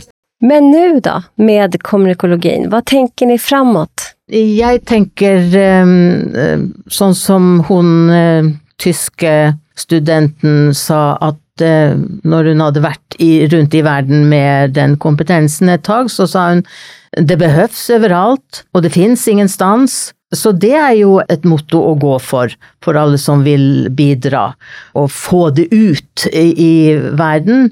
Eh, Nå har jeg et lite håp om å få det også ut på neste, det kontinentet som vi ikke har nå, nemlig Afrika, det tror jeg også kommer nå. Eh, Så ut overalt, og en konkret eh, forslag vi skal ha til eh, alle de eh, pedagogiske instanser som utbilder operatører av alle slag, lekere, lærere, sjukskötersker, bla, alt mulig. De kan børje med seks moduler kommunikologi.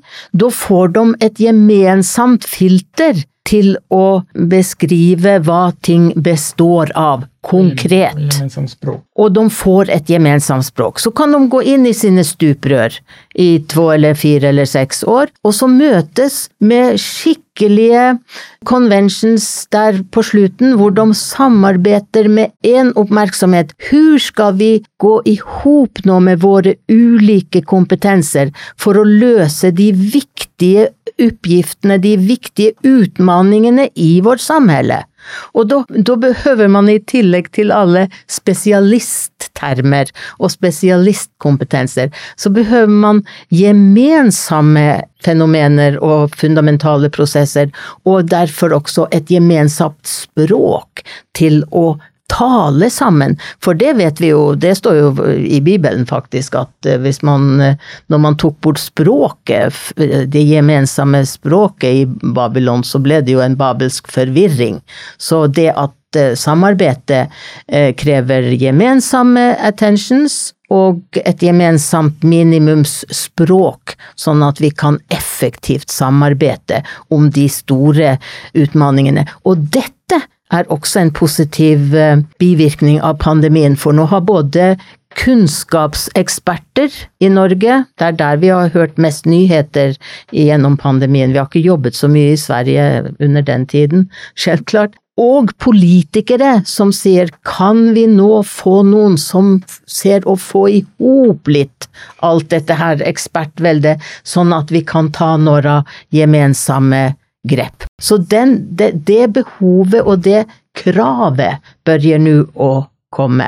Ja. Og en sak til. Eh, noen uker siden så hadde vi en modul, første modulen på et, eh, et eh, universitet i Norge som sa kom og hjelp oss, for det at vi det er noen ting vi ikke klarer å leverere til våre studenter. Dette var lærere, det var pedagoger som skulle utbilde pedagoger, og de sa det er noen ting vi ikke får til, og de sa til og med, og det er det beste, de sa, vi levererer ikke ens det vi har lovet våre studenter, og som tur var så var det en kommunikolog som var i nærheten og sa ja, men det har vi i kommunikologien, så vær så god. Her er det jo da tale om både spesialistkunnskap og en metakunnskap.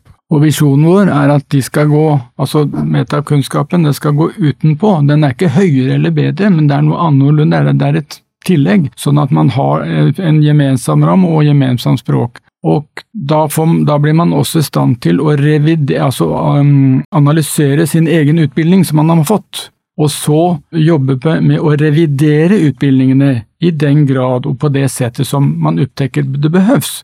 Da kan utbildningene også bli mer effektive, og kanskje kortere også. Så stor, en, en, en, stor vinst ska jag säga är ju just det här som ni säger med en metadisciplin, är ju att få ett gemensamt, mellan olika discipliner får man ett gemensamt språk. För det är ändå det som vi, jag tror ingen egentligen är oense om, är att det är svårt, vi har olika vetenskapliga ord, vi har olika sätt att formulera oss i text i vetenskapliga artiklar, även om vi har mallar för hur vi skriver våra vetenskapliga artiklar för att de ska vara samma och finnas en, en isomorfi i de olika artiklarna så har vi ändå olika uttryck. Och där skulle då kommunikologin kunna vara ett stort bidrag till att ha ett gemensamt språk över disciplinernas gränser. Ja, sånn at ulike fagfolk kan snakke sammen og forhandle og ja. finne ut av sakene sammen. Mm. Oppgiftene måtte jo løses, det ser man jo nå med, med, med krisen med forurensninger og, og nå er jo kloden blitt den nye pasienten.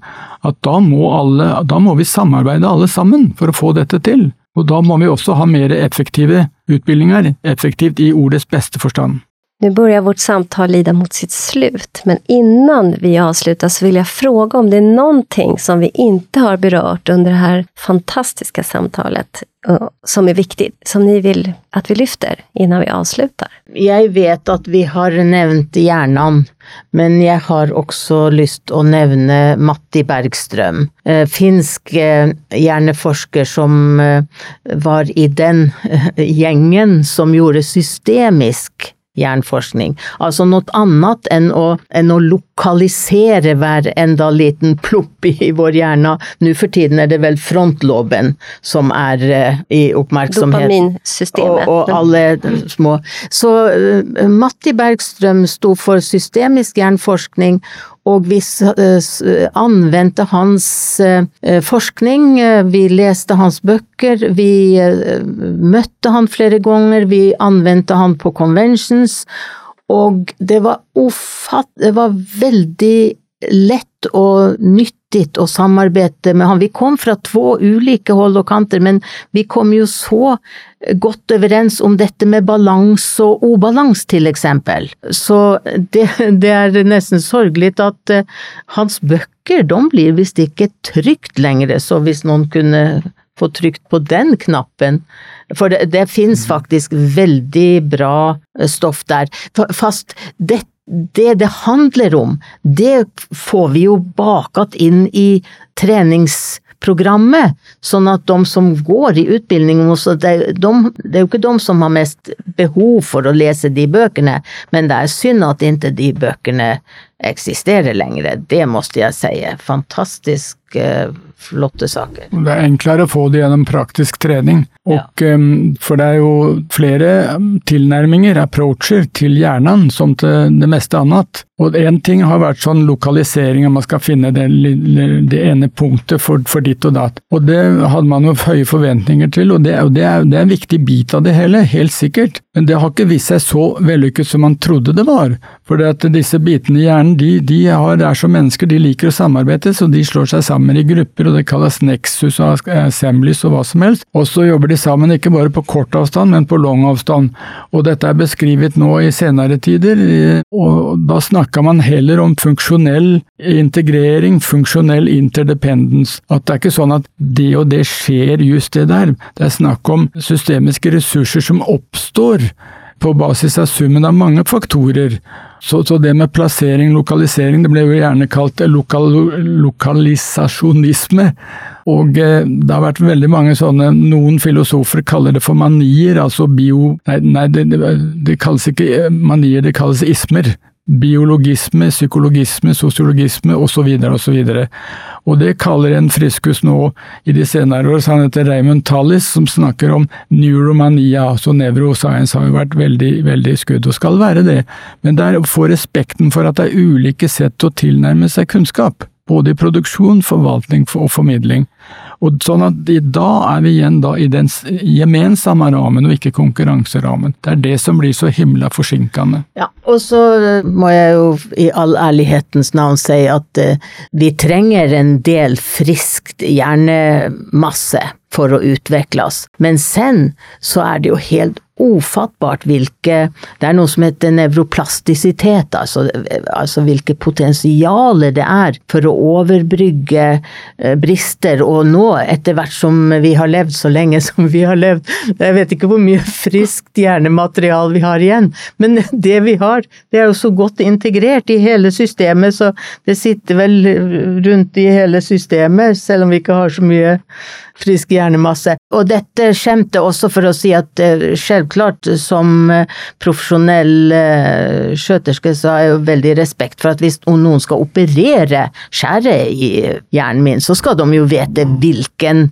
bit av hjernen de skal skjære bort, at de ikke bare tar litt her og var. Mm. Men så, med det sagt, det er jo veldig bra eksempel på at det finnes inget motsatsforhold i det her, nei. utan vi vil ha både og, ja, ikke antingen eller. Hva er det vi skal anvende det til? Just det. Hva, hva, for, ulike kartord til ulike oppdrag. Ja, så, så, terapeuter og pedagoger de trenger eh, annen type hjernekunnskap enn de som skal skjære i min hjerne. Og, ja. Det finnes så mange veier til løsninger, og sensorisk, eh, altså medveten sensorisk aktivitet og det vi kaller nevromotorøk, synes å være veldig viktig, og det er hva heter det, non-invasive, altså det er, det er, det er uten piller med, med, med bivirkninger. og de er uten, uten bivirkninger. Så eh, Norman Deutsch, som vel er sentral når det gjelder dette med nevroplastisitet, altså hvor, hvor, hvor fleksibel masse, masse, ting er, at man kan endre struktur og funksjon. funksjon. Han trekker jo det vi kaller nevromotorikk via Morse Fellenkreis, den gamle helten. Han trekker det direkte inn i nevroplastisiteten, med henvisning da til veldig mange praktfulle resultater, for han har jo tatt jobben med å reise rundt og snakke med subjekter og operatører som har framvist ekstreme oppløftende resultater med å jobbe, altså stimulere nevroplastisitet. Og da, da, er det sinnene som kommer inn igjen, og så er det ulike tempo i treningen, og ikke minst det langsomme. Og Der hadde vi på et tidspunkt i dette drevet, der hadde vi noen som reagerte kraftig på det langsomme, og de ville er, foreslå kommunen å er, um, forbjude langsomme rørelse i skolen. Tenk å sette en nedre hastighetsgrense på rørelse på kroppen! Det er vitenskapelig, det, hva? Truls Fleiner, och Jorun Sjöbacken. Stort tack för att ni ville komma hit och gästa vår podd och berätta om er pusselbit till den här världen. Tack! Ja, tack i like måte. Tack i like måte, ja.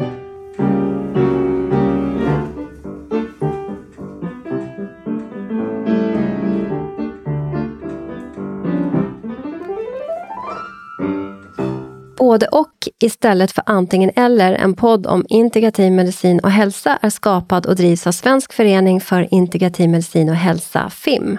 FIM är ursprungligen en yrkesförening för legitimerad vårdpersonal. Vi representerar sjuksköterskor, dietister, fysioterapeuter, läkare, psykoterapeuter, psykologer, tandläkare för att nämna några. Idag omfattas våra medlemmar även av associerade medlemmar som inte behöver vara legitimerade.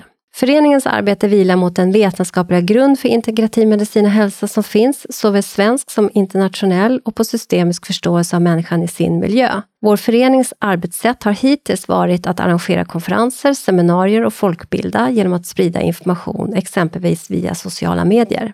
Vår strävan inom integrativ medicin är att vara en organisation som vågar lyfta och ifrågasätta, motverka polariseringar genom tvärvetenskapliga dialoger och sokratiska samtalsregler. Vi vill kartlägga forskning som bedrivs, även internationellt, och hålla koll på aktuella forskningsresultat om behandlingsmetoder, både vad det gäller den etablerade vården liksom den vård som bedrivs utanför den etablerade vården. Sokratiska samtalsregler innefattas i den sokratiska samtalsformen som egentligen all grundläggande kunskap är sprungen ur, men som ibland till och med lyser med sin frånvaro i dagens public service. Så bli gärna medlem hos oss, för tillsammans kan vi förändra. Och hur du blir medlem hittar du via vår hemsida integrativ-medicin.se. Vi ses och hörs i nästa avsnitt.